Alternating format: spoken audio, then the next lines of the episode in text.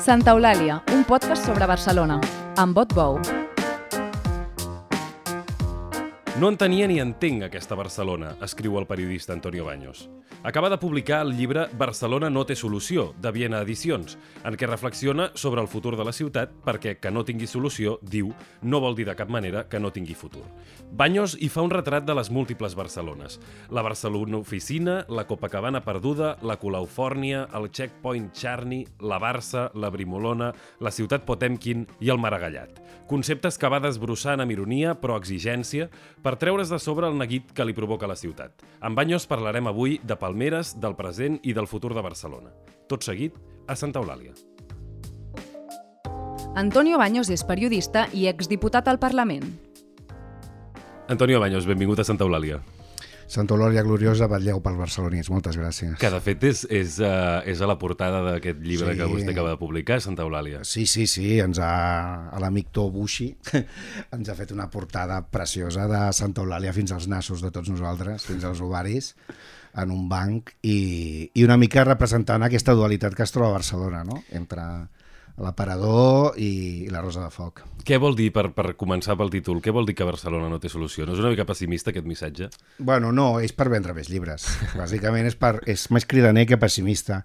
Uh, sabíem que trauríem el llibre durant la campanya electoral on tothom aportarà solucions a Barcelona. Llavors vaig pensar que seria divertit, o, o cridaner almenys, uh, que algun llibre digués que no té cap solució. Dintre explico una mica més uh, el que vol dir això, que és que jo crec que Barcelona, dic que Barcelona no té solució però té futur.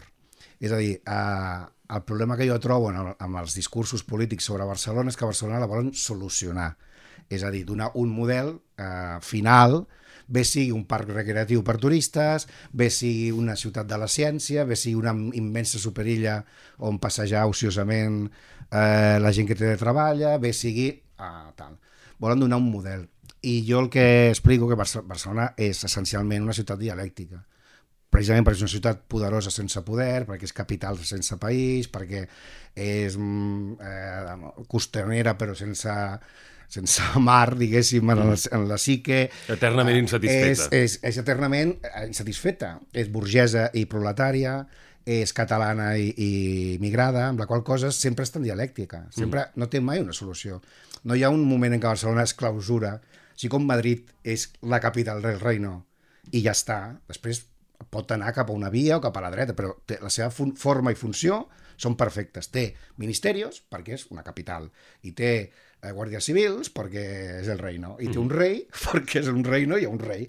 Tot quadra. Aquí no quadra res. Llavors, la idea de que Barcelona no pot concloure mal el seu relat de, de ciutat, a mi m'agrada molt, perquè és una ciutat en permanent disputa sobre què és, per què serveix i, i què fem els que vivim i per què no marxem tots d'una vegada, que també seria un dels temes. No? Uh -huh. I llavors sí que té un sentit que Barcelona no té una solució. Té futur, però futur sempre en quan s'entengui en, en permanent dialèctica. No? Això eh, em fa pensar en això que diu vostè, que en el llibre ho explica molt bé, que hi ha, hi ha una... Diu, Barcelona és una ciutat d'eixos perquè Catalunya és un país d'eixos i sí. tradicionalment hi havia hagut esquerra-dreta i independentisme, unionisme o espanyolisme, Uh, i, I en el cas de Barcelona va molt bé un altre eix per interpretar el que passa a la ciutat, que és els, qui, els, els decreixentistes, diguéssim, i els creixentistes. O Sí. sigui, els qui encara volen més inversions, més creuers, més, sí. uh, més model Barcelona, etc etc i els qui, i els qui creuen que, que ja, ja està n'hi bé com ja està, prou, que ja n'hi ha sí, prou. sí. I vostè de quina, de quina banda està? Home, jo crec que hi ha massa, inclús. Fins i tot hi ha massa. No, jo, el, el problema, la pregunta que no ens fem, perquè són estranya, però a vegades les preguntes estranyes tenen, són, eh, tenen la seva pertinença, és uh, per què serveix Barcelona? Uh, ningú se la fa, perquè tothom dona per fer que Barcelona és, és, tiene poder, tiene poder, Marabú, gitanita, hechicera, talala. I, I no, ens hem de preguntar uh, què és, si és, la, si és una ciutat global eh, com, com Singapur i Hong Kong i no sé què dintre d'uns vols intercontinentals perquè executius vinguin i vagin, és la capital de Catalunya, que podria ser també una de les seves funcions, és una ciutat turística del Mediterrani, que podria ser una de les seves funcions, o és una, jo què sé, o és una rèmora del passat, en plena decadència, com és Venècia, per exemple, i amb un passat gloriós i un futur brut, que també podria ser una de les, de les definicions de Barcelona. Llavors, depèn del que tu eh, creguis per què serveix, eh, creuràs que és massa petita o massa gran. Jo crec que la- l'únic sentit, i a- avanço la tesi del llibre, l'únic sentit que té Barcelona ser capital, és el sentit històric, i el sentit econòmic més solvent i més estable és ser capital d'un hinterland de 7 milions d'habitants que és Catalunya. Uh -huh. I, i ser la, la, el, el, el, la ciutat eh, país, aquesta que, que es parlaven els noucentistes, no? I llavors, per, per fer aquesta funció de capital d'un país, és massa gran. I llavors el problema és... Què vol dir que és massa gran? Barcelona és massa gran. És a dir, hi ha massa, o sigui, quan menys Barcelona, millor per Catalunya. És a dir, uh, hi havia la idea, uh, per disputes polítiques, uh, de que bueno, el país està dibuixat en corones des dels anys 80, no? Sí. que és una idea també bastant nefasta, no? que ja el centre del cor és una Barcelona que ha de ser molt densa i potent econòmicament, i una sèrie de corones industrials no? uh, fins a arribar al camp, que és aquella cosa d'on pues, vas a passar a buscar bolets. No? Uh, clar, mai està dissenyada Barcelona, o sigui, Catalunya en aquest sentit, no? Si tu la fas en eixos o en línies o en zones, diguéssim, diferents, Barcelona no té per què ser tan gran i tan important ni tindre el 50% de la població. Molta de la gent que viu a Barcelona i l'àrea metropolitana podria viure perfectament a, a l'interior, al Camp de Tarragona, a, a Ponent, Uh, clar, què es necessita? Doncs trens, mm, fibra elèctrica... Clar, una política de mobilitat. Escoles a tot arreu, universitats a tot arreu i, i, i que tu puguis treballar des de qualsevol part de Catalunya, baixar a Barcelona, com es feia abans, no? a Cal Metge o, o a, a afers administratius i, i tal, que seria el centre d'administració del país, però no aquesta concentració absurda eh, entorn de corones, que és una cosa primer eh, totalment del segle passat i després econòmicament nefasta i de gestió mateixa de la població totalment nefasta, perquè tenim 50% de la població concentrada en, un, en unes valls, no? en, en, en el Pla de Barcelona i els Vallesos, allà hi ha tot, i la resta del país buit. Vol Bueno, per de- senglars i, i cabirols i no sé quines coses. Vull dir. Vol dir que d'alguna manera és com si, és com si Barcelona tingués una, una capitalitat a dins que com que no acaba de sortir perquè no es vehicula políticament, se li, se li, li, li vessa, com se li, se li sí. buida el pap i llavors va, va creixent físicament i... i... Aquí el, el problema és que uh, des de, i això també ho explico una mica detalladament al llibre, des de que hi ha un, una idea burgesa de la Gran Barcelona, que és uh, la que neix del 1888, i que va a annexionar-se a tots els pobles del Pla i de fer a Barcelona una capital alternativa a Madrid, que és el que vol la burgesia catalanista, a partir d'aquí, eh, és el que dèiem, eh, hi ha un projecte per, can- per tancar Barcelona, per acabar-la, que és la Barcelona burgesa. No? Farem una Barcelona que serà com un París, o com La ben Bru- plantada. Bàsicament com una Brussel·les, no? mm. eh, la ben plantada, i que explicarà eh, les maneres de fer el món catalana, que Madrid és incapaç d'explicar, l'explicarem al món. Uh, més endavant, als anys 20, es veu que això no es pot ser, si vols ser capital de Catalunya, necessites a Catalunya. No pots ser capital de Catalunya eh, aïllada, vull dir, no ets Hong Kong, eh, no ets una ciutat-estat, no? ets un, una ciutat sense estat, però en un país que, que aspira a ser-ho d'estat. Llavors, eh, aquesta idea de que sense Catalunya no existeix Barcelona s'ha perdut amb, eh, amb aquesta espècie de, de mur de Berlín que vam crear entre Convergents i, i PSC, on hi havia l'àrea metropolitana, a Xarnegada, Rumbita, a Obrera d'Esquerres, eh, que, que comptava també Barcelona, hi havia un mur, no sé per quina banda de, de, de Martorell, no sé, hi havia com una espècie de mur invisible, i a partir d'allà tothom era, portava la barretina rosca xapa, tothom era, era el rere país, el territori, aquestes maneres d'explicar-ho. Amb això hem crescut un parell de generacions ben bones, si no tres. El procés jo crec que va permetre eh, que la relació entre Barcelona i Catalunya fos una mica més cara a cara, Bé, perquè hi havia la- l'aspiració de la capitalitat, no? Era, i era- també hi ha la idea aquesta, aquest mite que també eh, és del, del Duran Ferrell, de que Barcelona ha de mirar al mar. Si mires al mar, li dones el cul a Catalunya, també, una mica, no? Li, dones, bueno, li gires d'esquena, per dir-ho de manera Sí. clara, no? Llavors, sí, has de mirar al mar, però... Eh, Bé, però també pot ser la manera que tot Catalunya miri al mar. Que no- Tradicionalment, els ports eren, eren els del Maresme, Palamós. Quan parlem ara que, es, que ha sortit bastant el tema dels indians i tot això, Sí. no sortien de Barcelona, no sortien gaires indians, vull dir, sortien De de... Calella, de Palafrugell. O sigui, sortien de, de, de, dels ports que tenien una gran vitalitat en la ruta ja del segle XVII de l'Aiguardent, del Camp de Tarragona també, de Cambrils i tal. Llavors Barcelona no era especialment un, era un port, però no era l'únic port de Catalunya. Llavors la idea aquesta de que Barcelona ha- d'estar mirant a, a, a Singapur però no a Mollet és una idea bastant idiota. I dic idiota perquè a Hong Kong els hi dona igual eh, què li passi a Barcelona. Els de Mollet i els de Barcelona tenim més relació, diguéssim, no? I tal com visque, vivim, uns, vivim uns i els altres i com ens relacionem amb el territori i quines feines podem i on podem les empreses, ens interessarà més. Que ha de ser una autarquia tancada? No, però has de saber on has de mirar primer, no? I aquí jo crec que... I tot ve per, una, per un tema ideològic polític. Eh, Evidentment, la idea de que Barcelona és la capital de Catalunya implica, eh, de manera automàtica, que Catalunya és una nació i que la seva capital ha de ser una capital d'un estat i porta això, porta a ser independentista, diguéssim, de manera clara, perquè si no, una ciutat, Barcelona o és capital de Catalunya o és una o capital de província. No hi ha, no hi ha, lo de la ciutat global no, no existeix. Per tant, eh, per, primer aclariment, diguem-ne, Barcelona no té solució no vol dir desesperança, sinó vol dir No, eh, que, que, que no la podem fixar. Que primer, gràcies a Déu que no té solució, vol dir que mai cap grup eh, Que no es pot controlar, vol dir, en és definitiva. incontrolable sempre. Cap grup humà dels que eh, dominen per la ciutat eh, mai l'ha acabat de controlar, mai. Inclús quan en el consens olímpic semblava que el 99,9% dels barcelonins estava a favor, aquell consens olímpic ha caigut, també ha decaigut, també, no?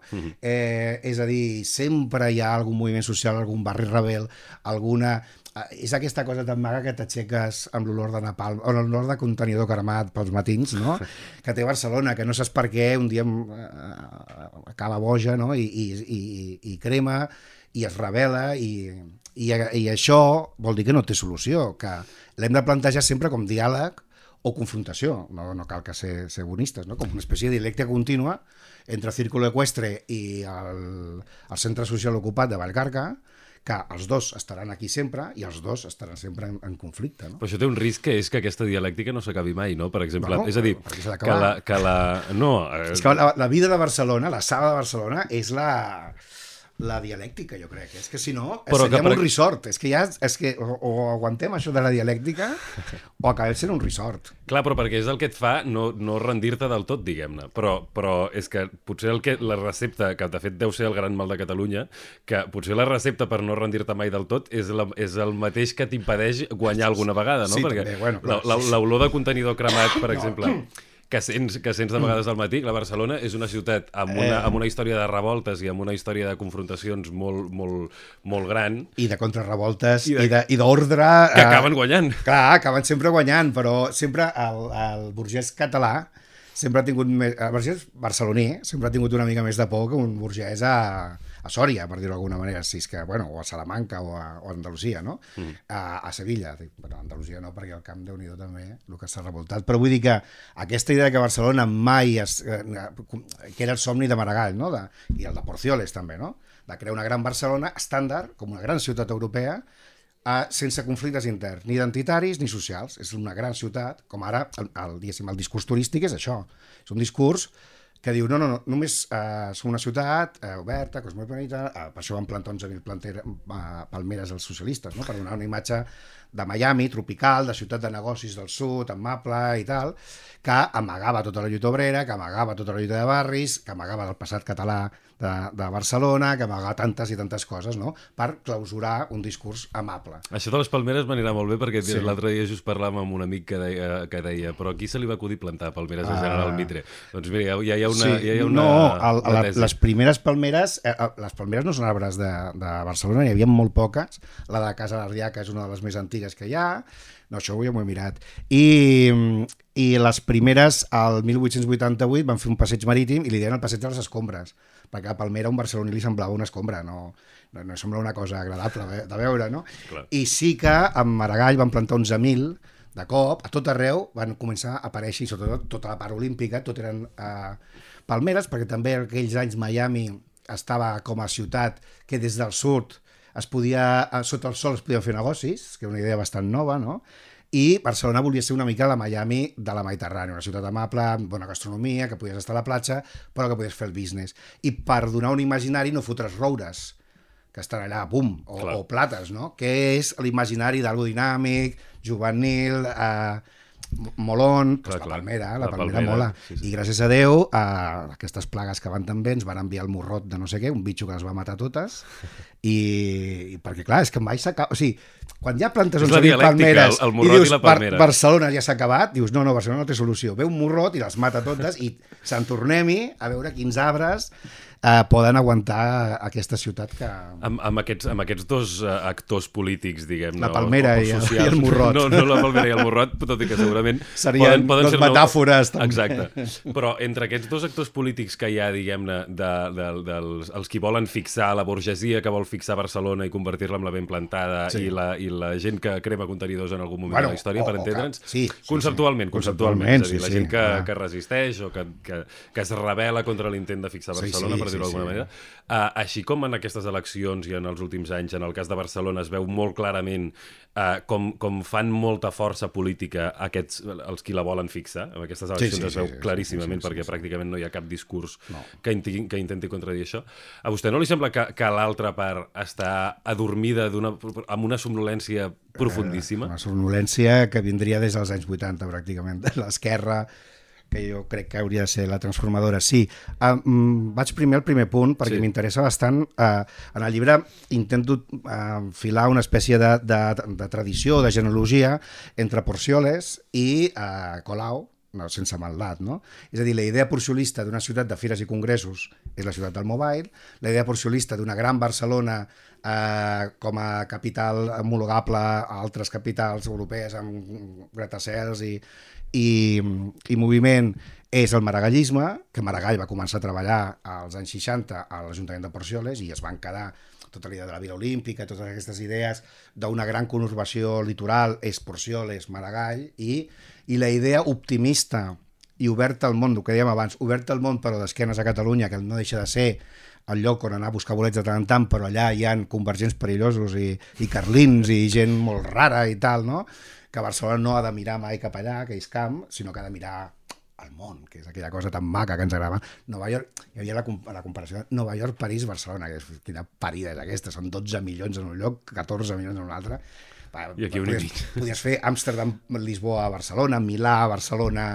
No sé, hi ha altres ciutats interessants a compartir, però no, aquí ja ens anàvem a París, Barcelona, no? Mhm. París, Reus, Barcelona. Dic, aquesta fil optimista de que Barcelona és una ciutat d'èxit, que està morta, però està morta d'èxit, que és un consol també molt idiota, però bueno, hem mort, però d'èxit, bueno, però estàs mort, no?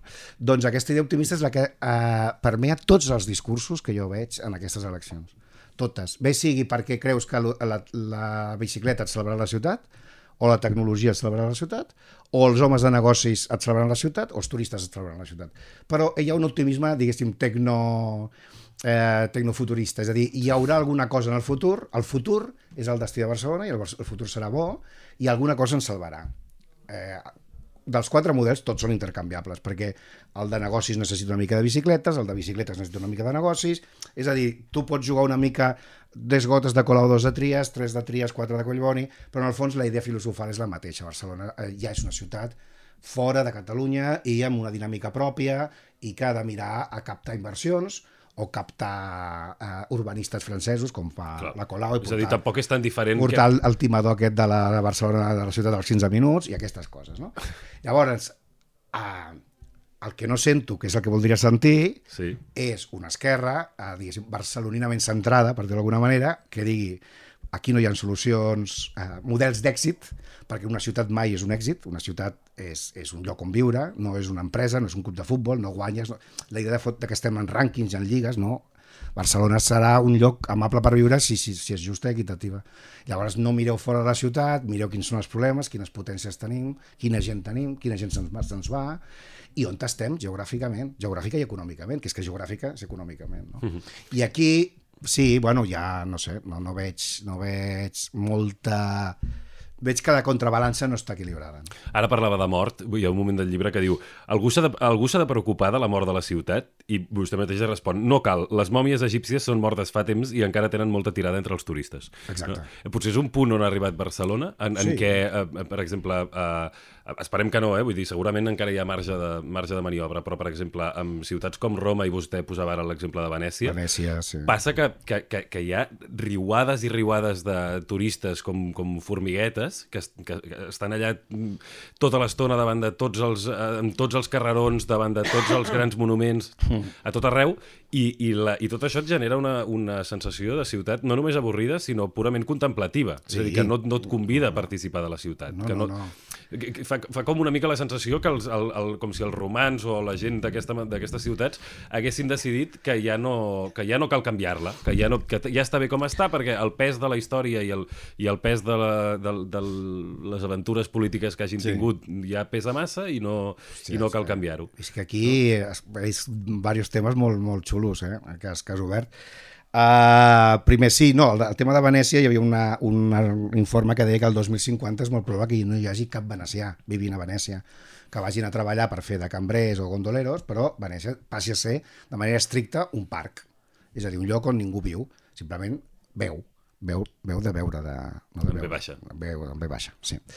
A Barcelona, clar, això és més complicat perquè és més gran i més, té més, més motors i més coses, però sí que fa la sensació que les coses que s'han construït no s'han construït per la seva funció, sinó per ser vistes ara de manera irrellevant i, i banal. No? Tu vas a Santa Maria del Mar, que té un significat polític, històric, i sobretot també parlo no, de, del Fossa de les Moreres, que és el nostre Arlington, no? és un lloc on estan els herois, diguéssim, de les llibertats catalanes, i fa olor pixats perquè el van fer obert, perquè no calia tampoc fotre tres Mossos d'Esquadra armats de, no, de, de, de gala allà, tio, per, perquè altres països sí que defensen l'espai dels seus herois, no? Aquí, bueno, tampoc calia tant, llavors si fa una mica d'olor de pixum, Uh, la velocitat queda una mica també degradada i també tota aquesta cosa de la catalanitat és el que està passant a la, a la nova directora del Born no?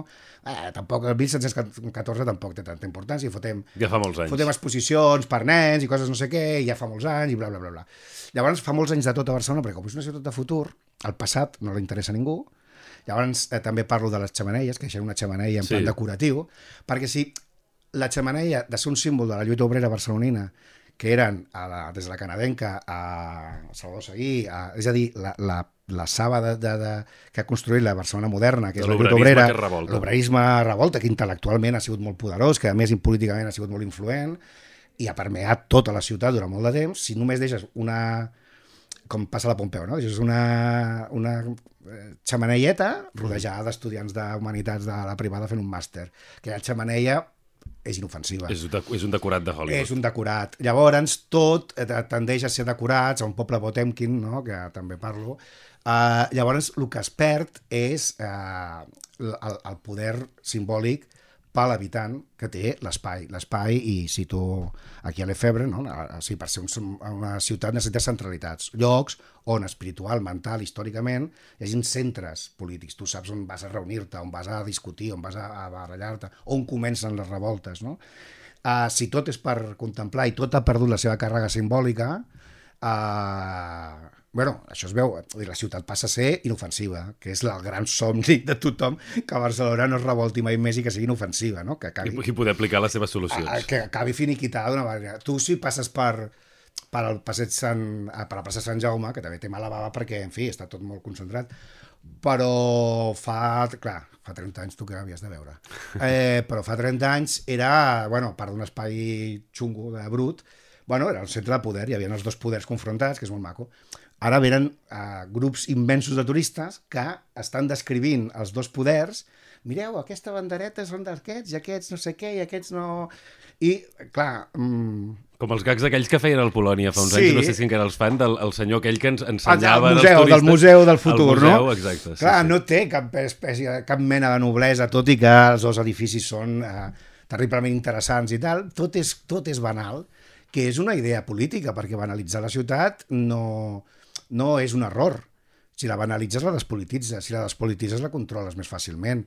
Clar, una ciutat on, on tothom és un passavolant, eh, i també ho parlo aquí, una ciutat d'expats, on tothom està 3-4 anys Sí. sí. assegut en un, en un sofà ronyós menjant-se unes madalenes gegants que no sé com no se'ls fa bola tot això i amb el teu mag allà aquest tio mai el pipicat no li interessa si va funcionar o no funciona no li interessa si les, la casa natal de, de Ramon Casas eh, està protegida o cau perquè és que li és igual és més, una mica de brutícia també li va bé no, no, no li calen casals d'avis ni li calen colles bastoneres tampoc a Barcelona només li cal que hi hagi una bona wifi Vostè, de fet, es demana si amb els expats tenim una, una relació colonial. Sí, sí, jo crec que és una relació absolutament colonial. Bueno, Què vol, què, però què vol dir colonial? collons, que et miren com si fossis a, si fossin els Saips en un, en un club de camp del... De... És a dir, tu estàs allà per fer bonic. Ja. No, en cap moment... Perquè la ciutat conservi el punt d'autenticitat que Bueno, li falta jo faig una mica de broma, que, que ens contractaran, jo que tinc una mica cara de latino, diguéssim, doncs a mi em poden contractar per anar fent ah, ciao, com va? Enmig, perquè total, és igual, enmig català, castellà, bueno, català no, però italià tal, eh, també ho confonen, els dona una mica igual. És Mediterranean Experience, que és una mica des de des d'Algeciras a Estambul, eh, tal, tal, el que deia el Serrat, Sí. no? Bueno, una mica igual. Per a què pintes de fer. Eh, Sí, llavors, bueno, pues, si entre kebab i, i pizza, pues, és que tampoc... Si poses un calçot també queda bé, però no saben exactament.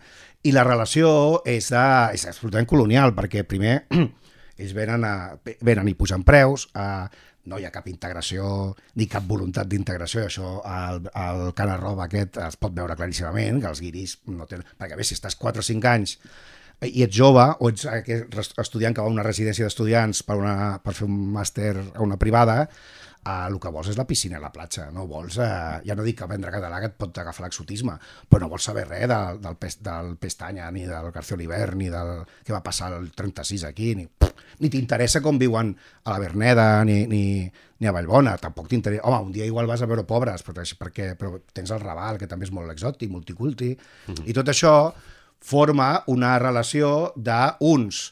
És el que ells parlen, no? Els locals i els internationals. Per ells només hi ha locals. Locals pot ser un cambrer argentí, una noia de Pakistan que et neteja l'habitació o un català de socarrel que va amb la Vanguardia al tortell, perquè tampoc la sabrà... gent que viu aquí sigui qui sigui. Sí, qui sigui és un local. I els altres són els que passen per aquí. I els altres són els que molen, que és el Clar. cosmopolita, que és eh, bàsicament cosmopolita en grec vol dir un tonto el culo, un idiota, és a dir, un idiota vol dir un tio que no té opinió de res, perquè viatja. Llavors, l'International necessita altres internationals, i a la Vanguardia foten unes, unes entrevistes a, a expats de nivell de Barcelona Global que són, ells són delicioses, jo me les he llegit pràcticament totes, no sé, són un centenar, de, de, de, de brètols que estan aquí i tothom diu el mateix, oi que bonic l'únic que els agrada és el clima cosa de la qual nosaltres no tenim ni culpa ni, ni benefici i també que durarà uns 20 anys perquè aquí ja serà Mauritània, no podem viure la gastronomia, que no és la nostra perquè la gastronomia vol dir uh, restaurants d'alta cuina, dir, no, que es pots trobar a qualsevol part del món. I després, la tercera cosa, en suma, que més els agradava de Barcelona era la comunitat internacional. O sigui, Clar, ells mateixos. ells mateixos, El que més m'agradava de Barcelona som nosaltres mateixos, que no, som, barreja. que no som barcelonins. Diu que hi ha una gran quantitat de gent que no és barcelonina i que no em cal ni aprendre les seves tradicions, ni els seus costums, ni... Una tarda, igual, m'explicant lo del tió, que fa molta gràcia, alguna cosa que ganés i tal. Però no em cal. No cal no, ni ser català, no cal ni ser europeu, en el cas de que no ho sigui. No? Escolta, ara que parlàvem d'aquesta d'aquesta S'ha vocació... notat que com- tinc mania, Sí, una mania, mica, no? però, no, però no passa res. Bueno, escolta, tampoc, tampoc ho escoltaran, això. Exacte. Però està en dialecte. I perquè, exacte, no ho entendran. No ho entendran. El, el, ara que parlàvem d'edificis i de decorats, eh, ja sé que és una anècdota, però, però hauria de Ah, que l'expliqui perquè és, és, és, és l'exemple perfecte d'aquesta ciutat de- de- de- de- d'aquesta ciutat que els edificis només són, formen Sí. part de l'estètica i del decorat. Sí, sí, és un decorat. Eh, no, era Des del 2006, a la la, Torre la, Clara. gloriosa època de Clos Hereu, eh, que és quan ja, en fi, Barcelona entra en una espècie de- d'espiral de, bogeria que acaba amb el amb l'hereu ballant amb Carlinhos Brown allà El clos. el, amb el ai, el clos, clos, perdona, el clos ballant Sí. amb el Carlinhos Brown, que és la imatge una mica ja de, de despiporre. No, jo vaig anar a treballar al, A la Torre Akbar. el supositori, Torre Akbar, o no sé com es diu ara, el mirador, que de fet ara només serveix per mirar altres coses, vull dir, abans serveix per ser mirat i mirar. Llavors, havia, en aquella època eh, hi havia Akbar, que eren unes plantes i tal, i un diari, que es deia ADN, que era del grup Planeta, i que teníem una planta allà. I, bueno, clar, l'edifici, a part de... Després vam descobrir que estava malalt, que donava fribo, fibroal·lèrgia, no sé què.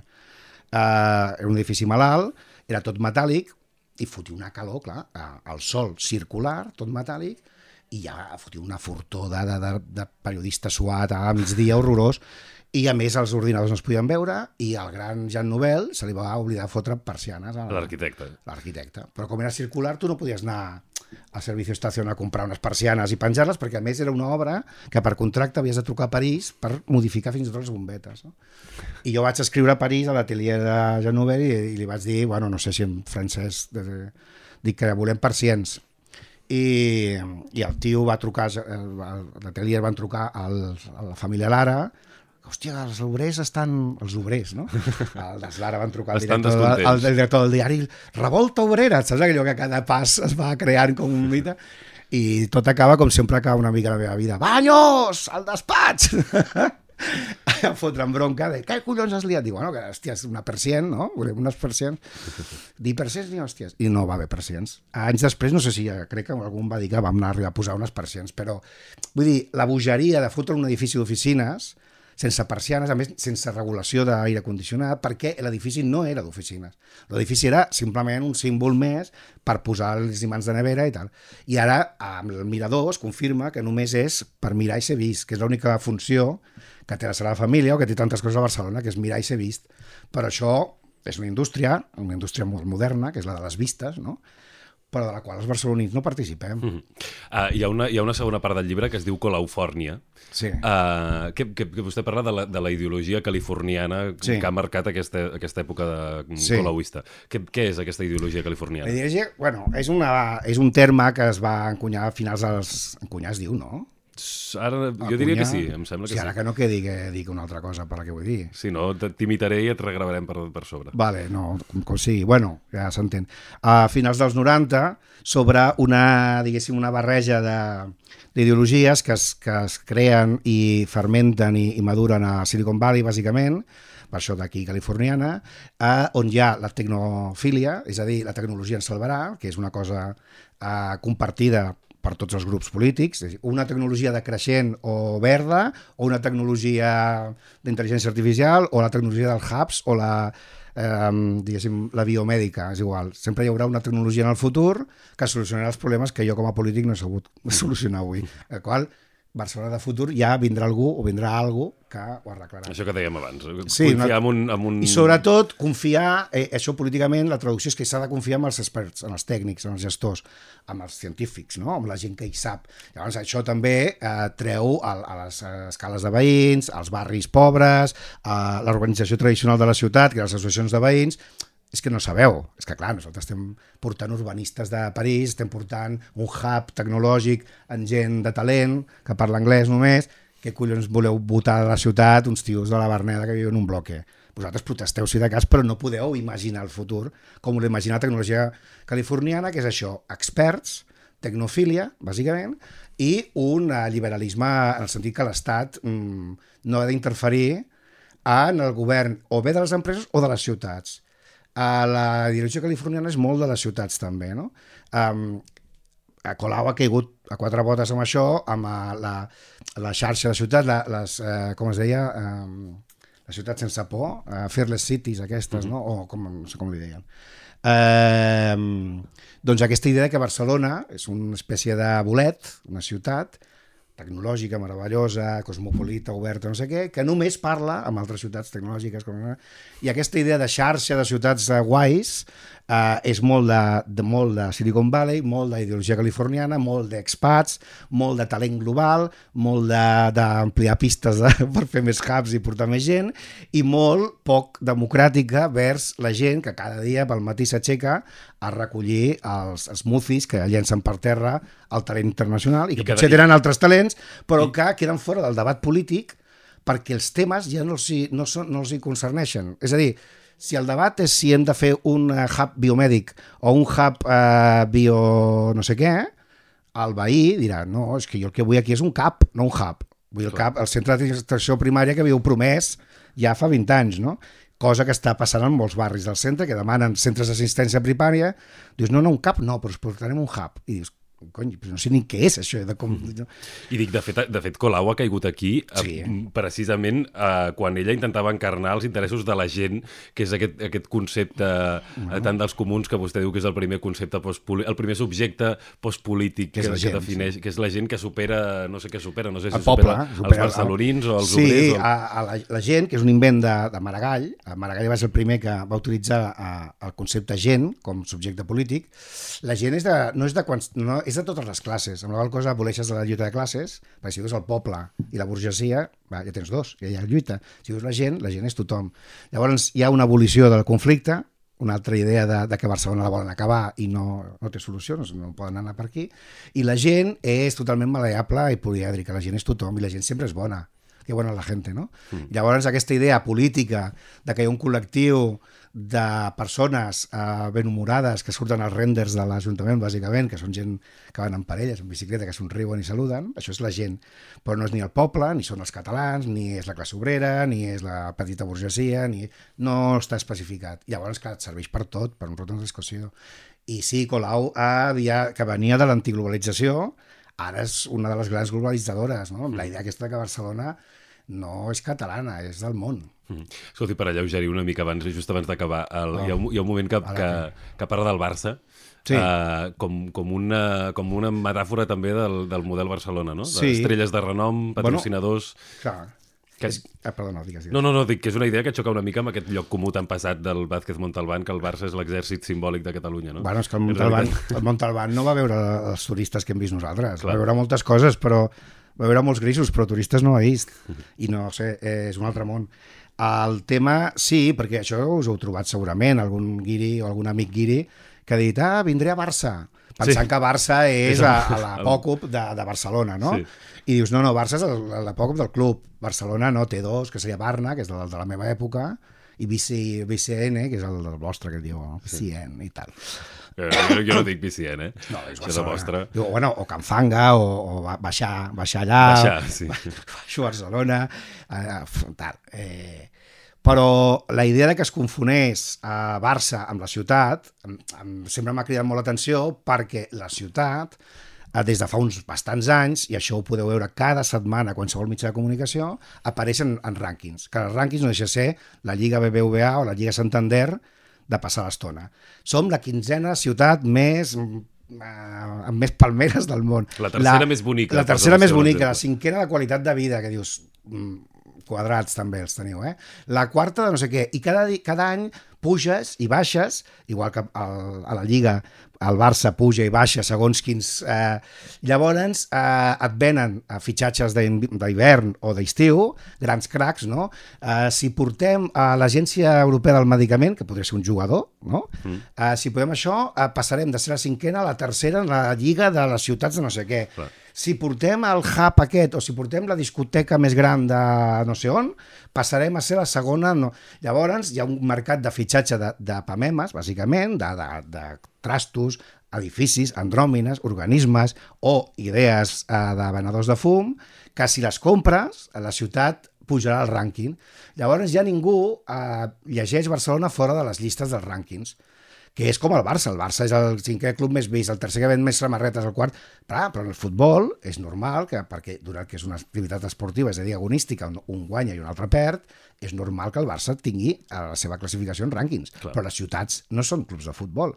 Tot i que... Eh, tot i que la metàfora encaixa bastant, les ciutats, eh, perquè... Les ciutats els... tenen clubs de futbol, tot i que el Núñez va dir a la ciutat que, que porta el nom del club, no? Que també ja feia venir que al final la, diguéssim, la futbolització de tot ha portat a que Barcelona no, no, no deixi de ser els carrers que, que envolten el, la botiga del Barça. Mira, eh, Uh, doncs Antonio Baños, uh, li deixem que agafi el, aquest Nokia, el telèfon que, que porta aquí. Eh, veus? Uh, sí, sí. I, i, i, Històric. I, i ho deixem. Moltes gràcies. A tu, gràcies. Recordeu que els oients ens podeu fer arribar els vostres suggeriments i els vostres comentaris a l'adreça de correu electrònic santaeulàlia.vilaweb.cat. Gràcies. Santa Eulàlia és un podcast de VilaWeb presentat per Otbou amb Carles Garcia al servei tècnic i a les veus Maria Castanyer.